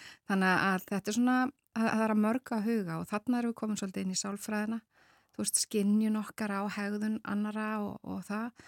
En síðan í viskitafræðinu þá erum við með hérna svona svolítið að horfa á þetta efnarslega og hver er niðurstaðan endalega niðurstaðan, við þurfum að nota já, margskonar tækni til þess að komast á þann stað að, að báður aðalar séu sáttur við samningin og, og hérna upplifi sig sem svona, já sé, og það er líka annað í þessu að, að um, sko um, nið, endalinn niðurstaðar samninga hefur ekki fósborgildi um ánægu samningamanna með samningin. Það eru að tala um samningamennina, ekki endilega baklandi sem er ekki e, viðstatt á meðan að verið þeirra samja. En það er meira hvernig e, niðurstöðinni náð en ekki endilega hver niðurstaðin er, auðvitað hefur það einhvað að segja en, en það hefur ekki fórspórskildi um, um ánægi samningamanna með samningin. Nei, en þetta er auðvitað stór mál að sitja í samninganemnd eittir að uh, semja um fastegna kaup eða, eða mm -hmm. kaupa bíl eða hvaða nú er þau að gera það fyrir sjálfa þig en uh, þarna er verið að semja um kaup og kjör mm -hmm. fyrir fjölda, fjölda fólks. Ja. Þetta er bara lífsviðværi fólks og þetta er mikil ábyrð og, og það maður skilur alveg að það eru miklu tilfinningar í spilinu þarna. Af því að þetta fólk sem situr hann við samningaborið, það fær líka, begja með í borð sko, það fær líka, hérna, það er verið að banka í það og bara þú gefur þetta ekki eftir og þú, þú veist, það er verið alveg að, að nippa í það baklandinu sko og eðlilega. Já. Eh, þannig að það er mikil pressa og mikil ábyrð og, og oft vil þetta springa svolítið út við samningborði. Já, er, eh, veistu það, mikill svona sálfræði beitt í samningavirðaðum? Kann fólk begja vegna borsins alls konar triks eða beitir? Það eru all gangur því. Já, það eru, ég get alveg sagt að það eru ákveðin triks notuð eða trikk notuð. Eh, það fara að tvenna sögur því hvort að það, sé, bæði, það, það skiptir máli tímalínan, hvena notar það Um, það getur alveg komið í bakjáður að þú notar það á raungum tíma, það getur líka alveg komið í bakjáður að, að það sést í gegnum þig. Þannig að ég við mitt skoða líka mikið blekkingar eh, í samlingaveiraðum og hvort að það er borgið sig yfir höfuð, borgar sig að blekja En þetta er svona partur af, þetta er einn taktík já, að blekja. Já, segðu okkur aðeins meira um það. Hvernig, hvernig er þetta að blekja? Hvernig nota ég blekkingar? Þú getur svona gefið til kynna að þú komist ekki hærra eða læra og þú getur, þó þú vitur að þú komist. Ég á ekki meiri pening, segi já, það. Já, já, þetta er bara að loka tilbúð. Ég bara kemst ekki meira. En svo kannski að síðan þá kannski gefur það eftir og fer lengra mm. í hvora áttina sem er. Mm. Og þá náttúrulega kemst upp um blekkingarnar og, og þá spurning borgar sig að blekja og rannsóknir sem að ég hef hérna, uh, hérna gert í, á þessum vettvangi er að það um, það fer eftir ymsu Já, já, með blekkinga borgar sér stundum. Stundum, já, en þá fer það aðalega eftir, ég hef skoðað sem sagt uh, meðan ég var í mín doktorsnámi þá, þá fór ég og bjó í, í Pólandi í tvö ár. Og svo bjó ég í Danmarku í kjálfari og ég skoðaði, ég var inni í fyrirtækjum og skoðaði hegðun samningamanna og hvernig fyrirtækja menningin og samninga menningin þessum, þessum eh, fyrirtækjum er og hérna og komst að því að ef þú ert í pólsku viðskiptalifi og ert að semja þá er það bara í menningunni að það er gert ráð fyrir að þú sért að blöfa og sért að blekja og ljúa jafnvel, að því það munur, það styggsmunur á að, að blekja og svo beinleginnins að ljúa, það er ekki það sama en hérna síðan aftur móti í hérna Danmörku að þá er ekki gert ráð fyrir því og það er ekki partur af þeirra menningu að, að blekja. Þannig að ef þú ert samningamann sem kemur kvorki frá Pólandiðinni eða Danmörku, þú veist, hvernig getur við nýtt okkur þessu upplýsingar? Jú, ef þú þekkir menninguna þá veistu hvernig best er að haga sér þar og, og ef þú vart að eiga viðskipti til dæmis við pólverja þá gagnast þér ekkert að blekja vegna þess að, að það er hérna bara gert ráð fyrir því þú sért að blekja. Já.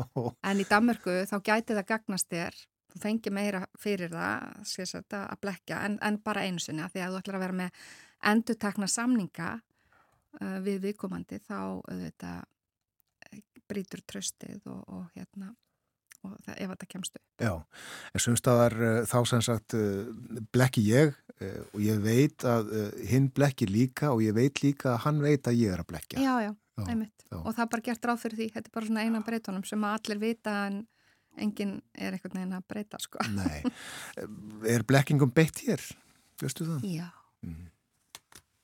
Tölvert. Ekki allir, bara langt frá því. Þetta er mjög mismöndi. Ég gerði mitt líka rannsóknir á því hvernig samningastill og aðferðir við um, samningagerð er mismund eftir bara geirum.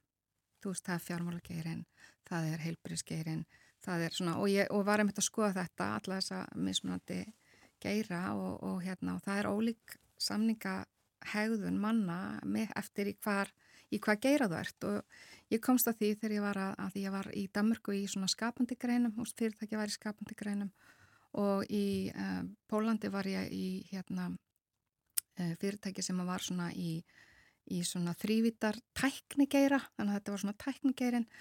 Og mér fannst alltaf svona skrítið þegar það er rosalega ólík nálgun, ekki bara landi heldur líka bara svona hvernig er svona hversu mikið á taktik þeir notið og hversu, versus hversu lítið og annað, hversu fljótir þú voru að gefa eftir og, og þannig að ég á svona fór að skoða þetta betur. Og, og hérna og niðurstöðnar eru að, að, og ég fann út að það var engin rannsókn sem var að taka utanum skapandi greinar.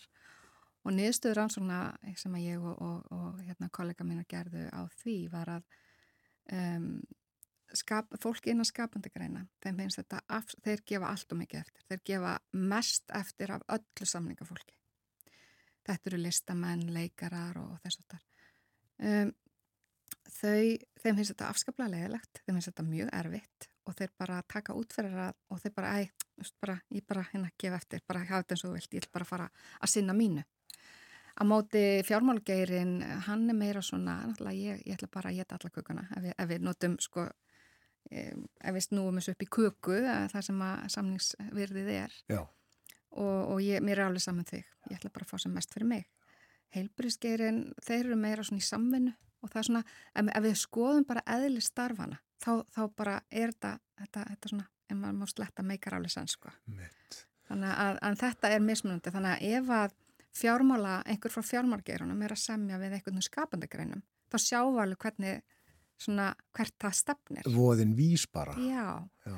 En, en sko grunnur að öllum árangri er undirbúningur það skiptir öllu máli að undirbúsa við. Þannig að ef þú þekkir, ok, ég er kannski frá kemur skapandi geiranum og, og mér líður svona, þá undirbýðum mig fyrir það. Ég fæ jafnvel aðstóð við að undirbúa mig eða mögulega ef ég er bara gjörsamlega glötuð í samlingavíðan þá fæ ég eitthvað til að gera það fyrir mig. Það er náttúrulega best. Mm. En, en hérna, þá, þá veistu við hverjum átt búast frá hinnum og, og hérna, þú undirbýrði e, bara við hvernig ert að fara að semja. Og þetta skiptir máli. Já. Akkurat. Þú talaður um uh, tón, uh, tónin á þann, tónin í neginu. Já, já. Þú getur líka notað hann. Gaman að heyra það. Og, og, og, og látbráð, þetta skiptir líka máli. Já, líkamstjáningi skiptir rosalega miklu máli. Já. Hún segir sko, þegar þú fer á samningafönd og sérstaklega þú fer á mikilvægan samningafönd, þá skiptir gríðarlega miklu máli með undirbúningin. Efnislegur undirbúningur skiptir alveg ofsalega miklu máli. Hann segir bara til um bara hvernig þetta mögulegir þér endað. Um, það er ekki bara nóg að, að undirbúa sig efnislega, heldur líka andlega og líkamlega og andlega þá meina ég, um, þú veist við, við höfum öll verið komið inn í herbyggi þar sem að einhver hefur verið bara, þarf ekki að segja neitt, kemur inn bara með rosalega neikvað orku. Og við finnum það öll, við komum til þarf ekki að segja neitt. Þetta er algjörlega það sama við því gagstaða, þú ert búin að undirbúa þig þannig andlega að þú ert bara í þínu besta standi. Þú bara, þú getur verið að hlusta á uppáhalds tónlistar hérna, listaðinn og einhvað sem kemur þér í gott skap einhvað sem að þú bara færð hérna, við, við þekkjum öll þessa tilfinningu mm. um, þú getur farið út að hlaupa eða gert eitthvað sem að losa um einhverja spennu og, og þú mætir hérna á fundin bara algjörlega tilbúin og sendir frá þér þessa orku sem er svona jákvæð Já. uh, í staðan fyrir að vera kvíðin og, og hérna mikil spenna og þú kvíðir og, og það er svona allt mjög erfitt og þá kemur með þá orku inn á borðið. Þetta skiptir máli í stóra saminginu. Þannig að, já. En svo passa maður að, að ránkvolva ekki í sér augunum nema, nema maður ætli, ætli virkilega að gera það. Hver er tilgangur með því? Já, veist, af hverju ætla að gera það já. og hvað skilabort að senda? Öll líkamstjáning sendir ákveðin skilabort því að gagnaðalinn, eh, hann, hann, hann skinnjar einhvað. Þú ert kannski að leggja fram tilbúð, ef gagnaðalinn er að leggja fram tilbúð og þú rúlar augunum eða, eða svona kastar aftur höfðinu eða sínir einhver viðbröð og þetta segir meira en, en mörg orð sko. orðin sjálf í samskiptum eru bara 8% þau eru bara 8% að því eins og nei getur þýtt svo margt. Uh, uh, 54% minni mig eða 58% eru þessi líkamstjáning. Og, og, og, rest, og svona þessi hérna og restin er svona tótnin í röttinni hversu hátt eða látt hann fer Uh, eins og konur ef það er og þetta er svona, þetta, þetta er svona munun og kynjónum í þessu að ef að konur missa stjórn á, á sér og, og verða reyðar eða, eða einhvað þess að þá hættir þeim til að fara með, með röttina alveg upp á háa séð og hvað gerist þá? Jú, þar missa trúveruleika að móti ef að kallmenn missa stjórn á sér mm. Þá er í þeirra eðli að þeir, þeirra rött fyrir niður og hún verður dýbri og þeir auka trúveruleika þannig að þetta er svona þetta, þetta er, er mismöndi og, og þegar konur eigi erfileikum með röttina sína þá er hægt að fara í rættþjálfun það er hægt að, að hafa stjórn á röttinu sinni, bara meðvitað að taka ákvörnum að, að passa upp á röttina, að því hún skiptir máli. Einmitt. og svo er þetta líka skilsmanni uh, stundum störu keppni hvor blikkar á undan ég meina sko hérna, störu keppni, já um, þögn er er eitt af þessum, eina af þessum taktik sem að nota er í samlingaborðið og mjög mikilvægt að, að velja sér uh, rétta tímasætningu. Þetta snýst allt um hvenar og hvar og svona þessar tím, tímasætningu. En þögnin er gríðarlega mikilvægt að nota í bara, sko við vitum það alveg að, að hérna um, þegar við erum bara eiga við börnin okkar og, og við kannski erum að reyna að fá upp úr þeim einhverjar upplýsingar. Og, og hérna og við segjum hérna, segjum bara sem dæmi um, unlingur kemur inn og já, ég var með Jóa og Palla og hérna, við vorum bara úti. Og þá móðurinn segir úti? Og þá, og segir ekkert meira.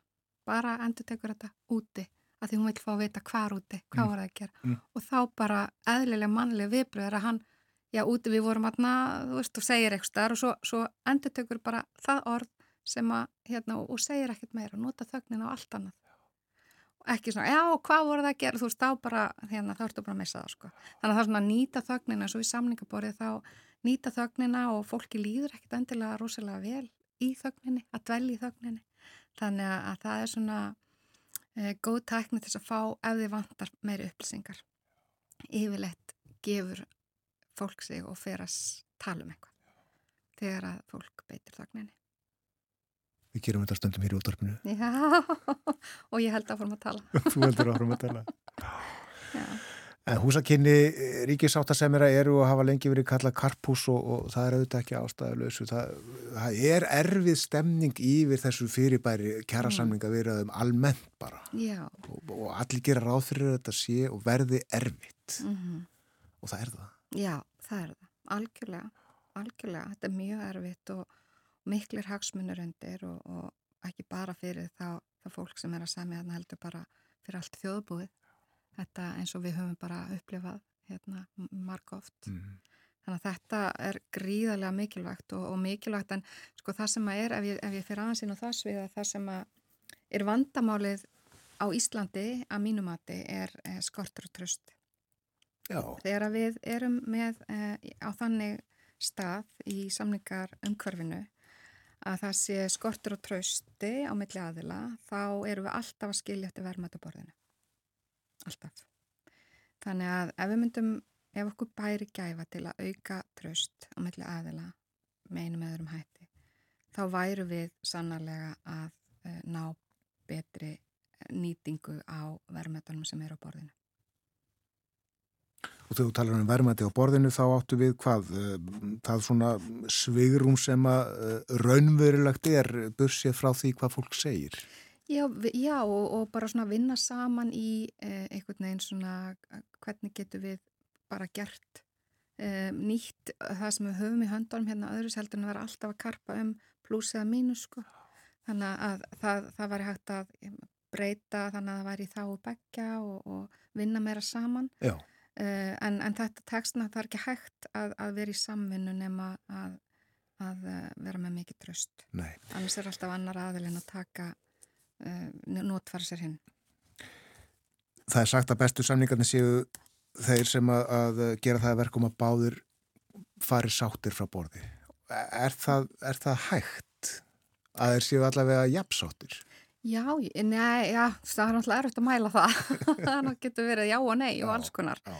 En um, sko, við erum náttúrulega með þessi hugdögg í samningtæknin sem eins og til dæmis batna sem, svona, sem standur fyrir best alternative to negotiated agreement og það er rauninni verið þýðir að hvar stenduru ef þú nærða ekki samningum. Og í kjara viðraðum er þetta náttúrulega svolítið erfitt. Það er í raun og verið ekki bóði nema jú, þú getur bara verið samningslaus.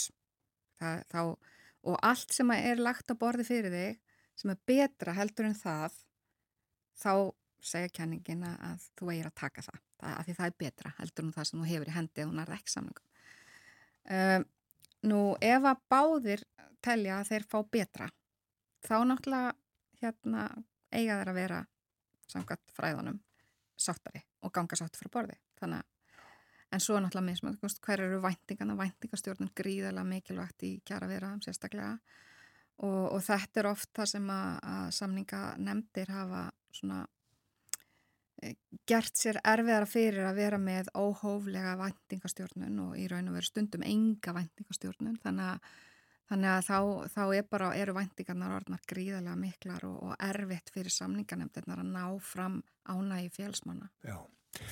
Það er margt í þessu greinilega. Við þurfum að láta staðan um hér. Þakka þér innlega fyrir að vera með okkur á morgumvaktinni. Aldíski Siguradóttir. Já, og spjalla við okkur um uh, samningatækni. Þetta er uh, alls konar það þarf að hafa margt í huga greinilega. Sannarlega. Og þetta var síðasta viðtalið, síðasta atrið og efniskráni á morgumvaktinni þennan morgunin. Við verðum hér aftur í fyrramálið. Morgumvaktin býðu góðan dag þegar klukkuna vantar tíu myndur í sjö. Alla virka daga. Hún er að njóti dagsins verið sæl.